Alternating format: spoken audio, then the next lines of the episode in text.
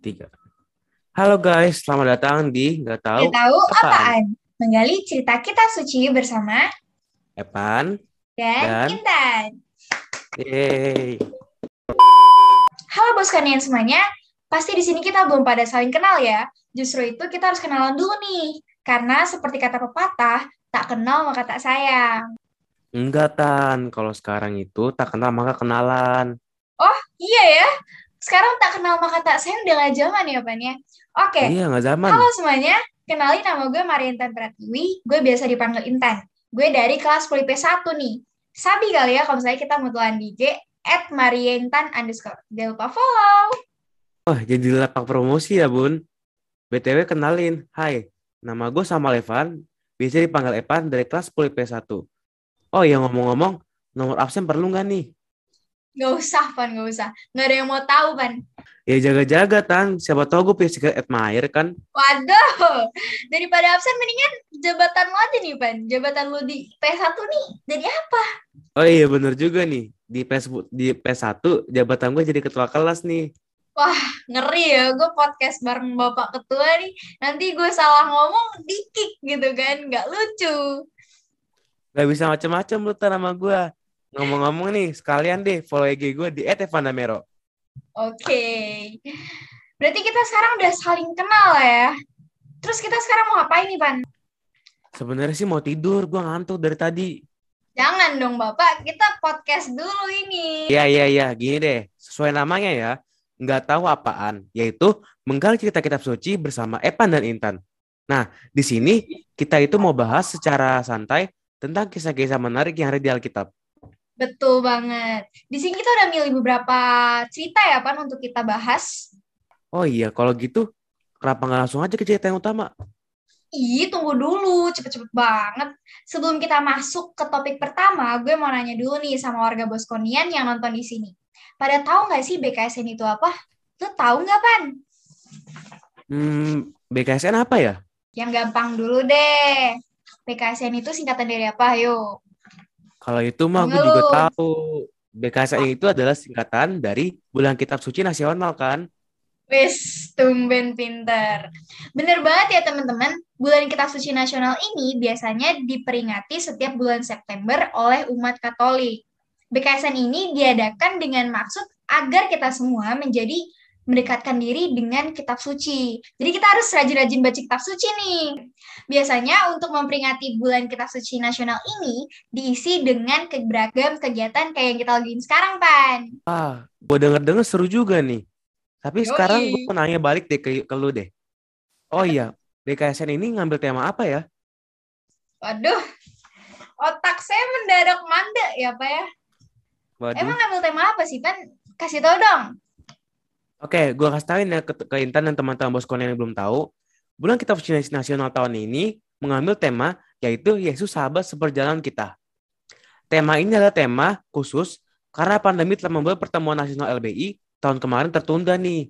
Makanya tema empat tahunan i- bagi- ini bagi BKSN yang biasanya sudah ditetapkan sampai sekarang belum bisa dibicarakan bersama. Oh, jadi di tengah kebingungan, ketakutan, dan perasaan gak berdaya, kita sebagai orang beriman diteguhkan satu hal ya, Pan ya, bahwa Nah, kita itu betul gak sendirian. Ada Yesus yang dapat kita andalkan sebagai sahabat seperjalanan kita. Wah, nice, oh, nice, oh, nice. oh. Nice, nice.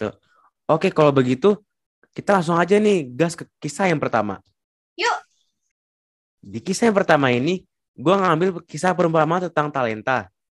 Kisahnya diambil dari Injil pada perjanjian baru, yaitu Injil Matius bab 25 ayat 14 sampai 30 nih. Mungkin lu bisa ceritain sebagian besar ceritanya aja kali ya, Pan ya? Oke, ini gue jelasin ya secara garis besarnya. Seorang tua mempercayakan hartanya kepada tiga orang hambanya.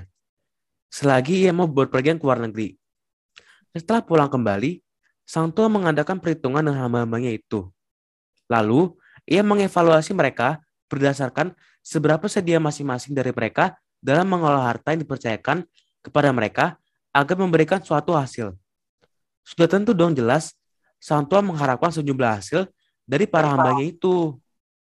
Suatu hasil itu yang menunjukkan kesetiaan hambanya pada sang tuan nih. Nah, sang tuan itu memberikan penghargaan kepada hamba-hambanya berdasarkan sebagaimana masing-masing dari mereka memikul tanggung jawab atas harta yang dipercayakan kepadanya kepada mereka. Nah, di sini tuannya itu menilai dua orang di antara mereka sebagai hamba yang baik dan setia, serta memberikan mereka imbalan yang sangat positif. Nah, seorang yang dinilai sebagai hamba yang jahat dan malas mendapat kompensasi negatif. Oke, pasti warga Boskonian di sini udah pada tahu ya tentang perumpamaan ini. Istilahnya Pasti udah dong. nggak asing lah ya. Gue mau Iya, nanya iya, dong, betul. Pan.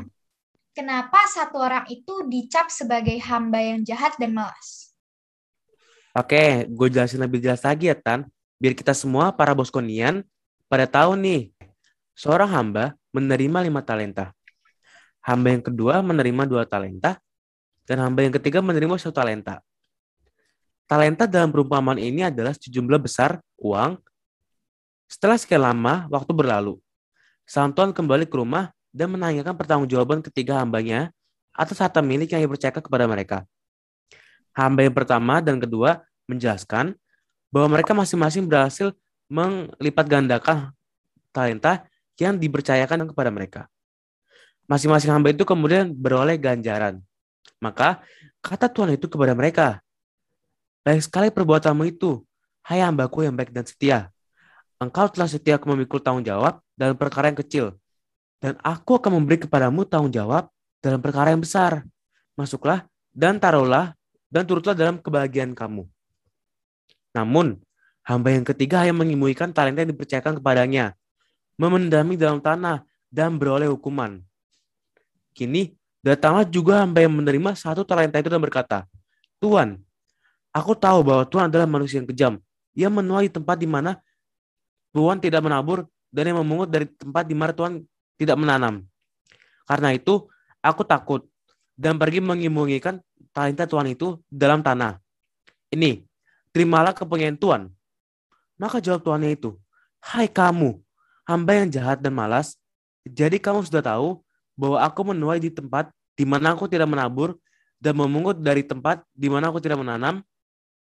Karena itu, sudahlah seharusnya uangku itu kau berikan kepada orang yang menjalankan uang, supaya sekembali, sekembaliku aku menerimanya, serta dengan bunganya. Sebab itu ambillah talenta itu daripadanya dan berikanlah kepada orang yang menjalankan uang tersebut. Karena setiap orang yang mempunyai, kepadanya akan diberi, sehingga ia berkelimpahan. Tetapi siapa yang tidak mempunyai, apa pun juga yang ada padanya akan diambil daripadanya. Dan campakkanlah hamba yang tidak berguna itu ke dalam kegelapan. Yang paling gelap, di sanalah akan dapat terletak ratap dan ter, ratap dan terletak gigi. Agak kelibet ya Bapak ya. Berarti emang nih orang dasarnya males ya Ban ya? Atau mungkin nih orang Betul awalnya emang. iri. Pemalas dia. Sa- nih orang satu dapat lima, dia dapat dua, kok gue cuma satu? Padahal gue yakin nih tuannya ngasih juga sesuai dengan kesanggupan diri masing-masing kan ya. Dikasih satu aja dipendem, gak dikembangin. Apalagi dikasih banyak ya kan, dikasih lebih. Tuannya bisa rugi bandar kalau gitu ya. Nah iya bener banget tuh Tan. Sebenarnya sih gue juga mau kasih satu contoh nih yang lagi trending di TikTok. Lu Apa tau tuh? gak sih Jerome Pauline? Jerome Pauline. Oh, yang jago matematika itu ya? Oh, tahu tahu Nah tahu. tahu. bener tuh. Nah dia dia itu hebat tau. Dia itu salah satu tren yang dia yang dia join pakai lagu Naura nih. Kita tampilin aja kali ya di sini ya.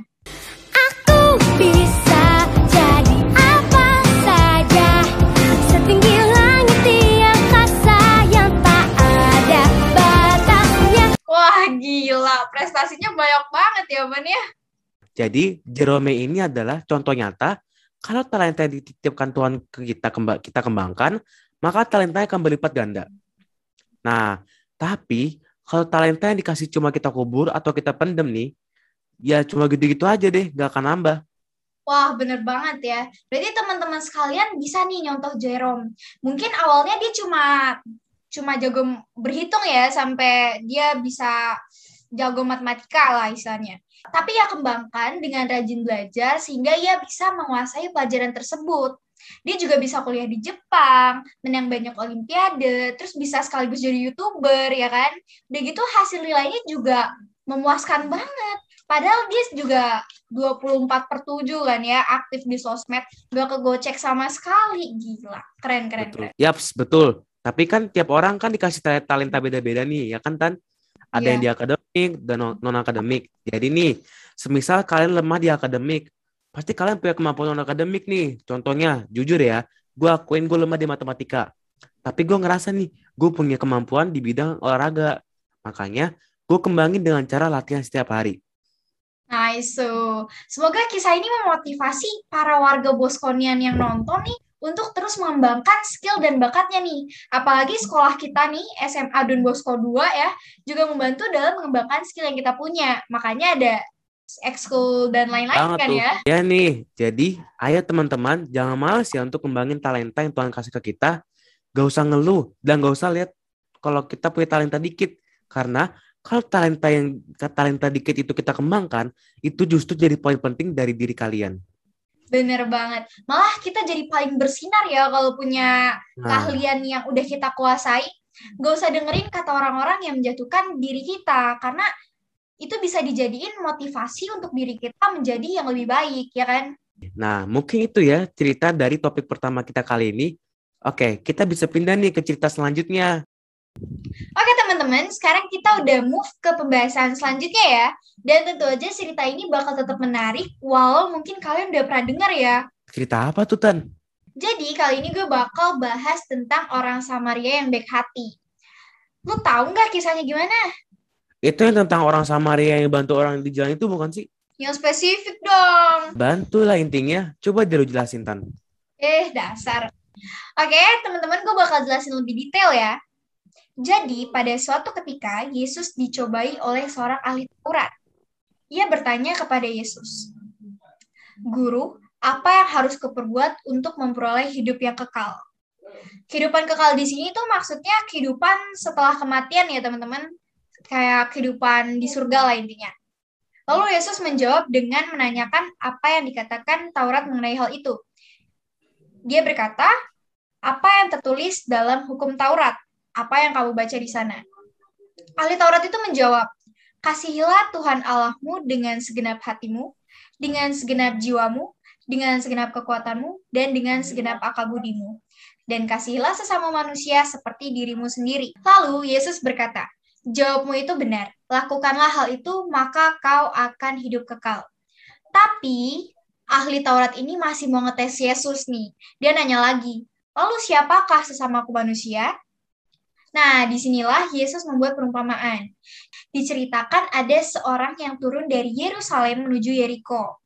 Dari Yerusalem ke Yeriko ini kan jalanannya sepi ya, jadi kayak bahaya gitu, rawan begal.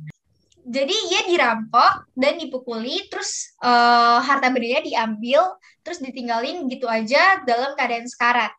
Orang ini pasti punya harapan dong ya, kayak semoga ada yang lewat situ dan bisa bantu dia. Karena kalau nggak ada yang bisa nolong dia, dia bisa aja menemui ajalnya sekarang juga gitu. Jadi Serem dia kalau bisa hidup kalau misalnya ada orang yang lewat di situ. Kebetulan ada seorang imam turun dari Yerusalem melewati jalan itu. Ia melihat orang terkapar itu, tapi ia malah lewat gitu aja dari seberang jalan. Ia nggak berusaha nolong dan dia malah menjauhi orang itu gitu. Datang juga seorang Lewi, dia melewati jalan itu. Orang Lewi ini pun melakukan hal yang sama. Ia hanya melihat dan melewatinya dari seberang jalan. Padahal imam dan orang Lewi ini kan ya tokoh penting dalam agama Yahudi kan. Iya, Pasti betul mereka tuh. paham betul tentang hukum kasih. Tapi mereka melihat orang yang terkapar sekarat kayak gitu, dia malah seakan-akan tutup mata gitu kan, kayak kayak pura-pura nggak lihat gitu loh. Padahal dia tahu nih orang butuh bantuan gitu. Lalu setelah itu datanglah seorang Samaria. Ngelihat orang yang sekarat itu, hatinya tergerak oleh belas kasihan. Ia turun dari keledainya lalu membalut luka-luka orang itu, terus menyiraminya dengan minyak dan anggur. Kemudian ia menaikkan orang itu ke atas keledainya. Dibawanya ke tempat penginapan dan dirawatlah ia di sana. Lalu keesokan harinya ia menyerahkan dua dinar kepada pemilik penginapan, Ivan. Ia berkata kepada pemilik penginapan itu untuk merawat orang ini sampai sembuh gitu loh. Bahkan dia juga bilang ke pemilik penginapan itu kalau misalnya uangnya kurang bakal dia ganti kalau misalnya dia udah balik gitu. Selesai deh perumpamannya di sini. Yesus bertanya lagi, dari ketiga orang tadi, siapa sesama manusia dari orang yang dirampok tadi? Ahli Taurat itu menjawab, orang yang telah menunjukkan belas kasihan kepadanya. Kata Yesus kepadanya, pergilah dan perbuatlah demikian. Udah deh. Wow, ceritanya menarik banget ya. Padahal pertanyaan awalnya itu, siapakah sesamaku manusia? Tapi Yesus menjawab dengan membuat perumpamaan dan mengubah pertanyaan itu menjadi siapakah yang bertindak sebagai sesama. Betul banget, Pan. Bukan siapa sesamaku, tapi bagaimana aku bertindak sebagai sesama bagi mereka yang menderita. Jadi bukan memperlakukan orang lain sebagai objek ya teman-teman, tapi bagaimana diri kita berbelas kasih dan bertindak kepada sesama. Berarti kalau mau dikaitkan dengan keadaan sekarang nih, bisa juga dong. Pandemi sekarang nih, kan bukan sekedar masalah kesehatan, tapi juga masalah ekonomi yang merampas habis penghasilan baik orang. Kebutuhan Iya. bertambah, tapi pendapatan kita berkurang. Pandemi ini Benar-benar. merampas seperti yang dilakukan pada penyam, para penyamun di tengah perjalanan Yerusalem ke Yeriko. Dalam situasi ini, kita perlu merenungkan sosok Yesus yang menjadi sahabat bagi mereka yang menderita. Kita diberi tanggung jawab untuk membantu sesama yang membutuhkan nih. Bener banget. Tapi gue ada pertanyaan nih buat lo. Pertanyaan Sekalian deh buat para bos kornian yang nonton di sini nih. Kenapa orang yang dirampok tadi gak dikasih tahu asal usulnya? Ayo, kenapa? Hmm, mungkin Yesus lupa kali. Gak gitu dong konsepnya, Bapak. Yesus Boleh sengaja nggak nyebutin asal usul orang ini karena Yesus ini ingin mengajarkan kepada kita untuk menolong sesama tanpa harus memandang bulu. Jadi tanpa harus pandang status sosial, status ekonomi, budaya, politik, dan agamanya. Kan gak etis ya, semisal kita nemu orang jatuh atau butuh bantuan nih di jalan. Tapi kita nanya dulu, misal kayak agama bapak apa?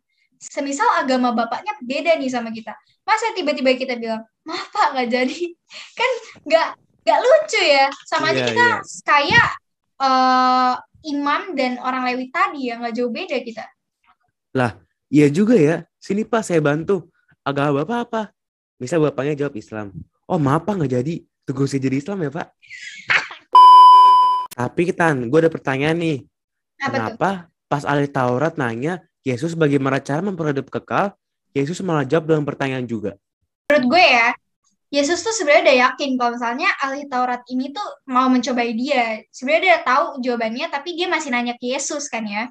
Jadi dia ngajak lawan bicaranya itu untuk berpartisipasi aktif dan menemukan jawabannya sendiri gitu loh. Banyak banget ya pesan yang bisa diambil dari kisah-kisah yang kita ceritain tadi nih Tan. Gue harap pesan-pesan dari cerita yang udah gue sama Intan ceritain dua tadi bisa menjadi pedoman hidup teman-teman semua. Tapi nggak kerasa ya, udah seribu detik berlalu. Seribu detik, emang hitungin pan. Ya nggak juga sih. Ya, kocak. Mungkin ini jadi akhir podcast kita kali ya teman-teman. Iya nih, tapi sebelum itu kita mohon maaf sebesar-besarnya semisal ada kata-kata yang kurang berkenan. Semoga next time kita bisa jadi lebih baik ya Pan ya. Jangan lupa pesan-pesan tadi yang udah gue sampaikan sama Intan. Iya, thank you semua udah dengerin Gak Tau Apaan dari awal sampai akhir. Sampai ketemu lagi. Salam Don Bosco. Saya Saya, Boskonian. Bye-bye. Bye-bye. Tera Mikesh Telemaniaxican, Gatau Upon. Sampai Kita Mulagai.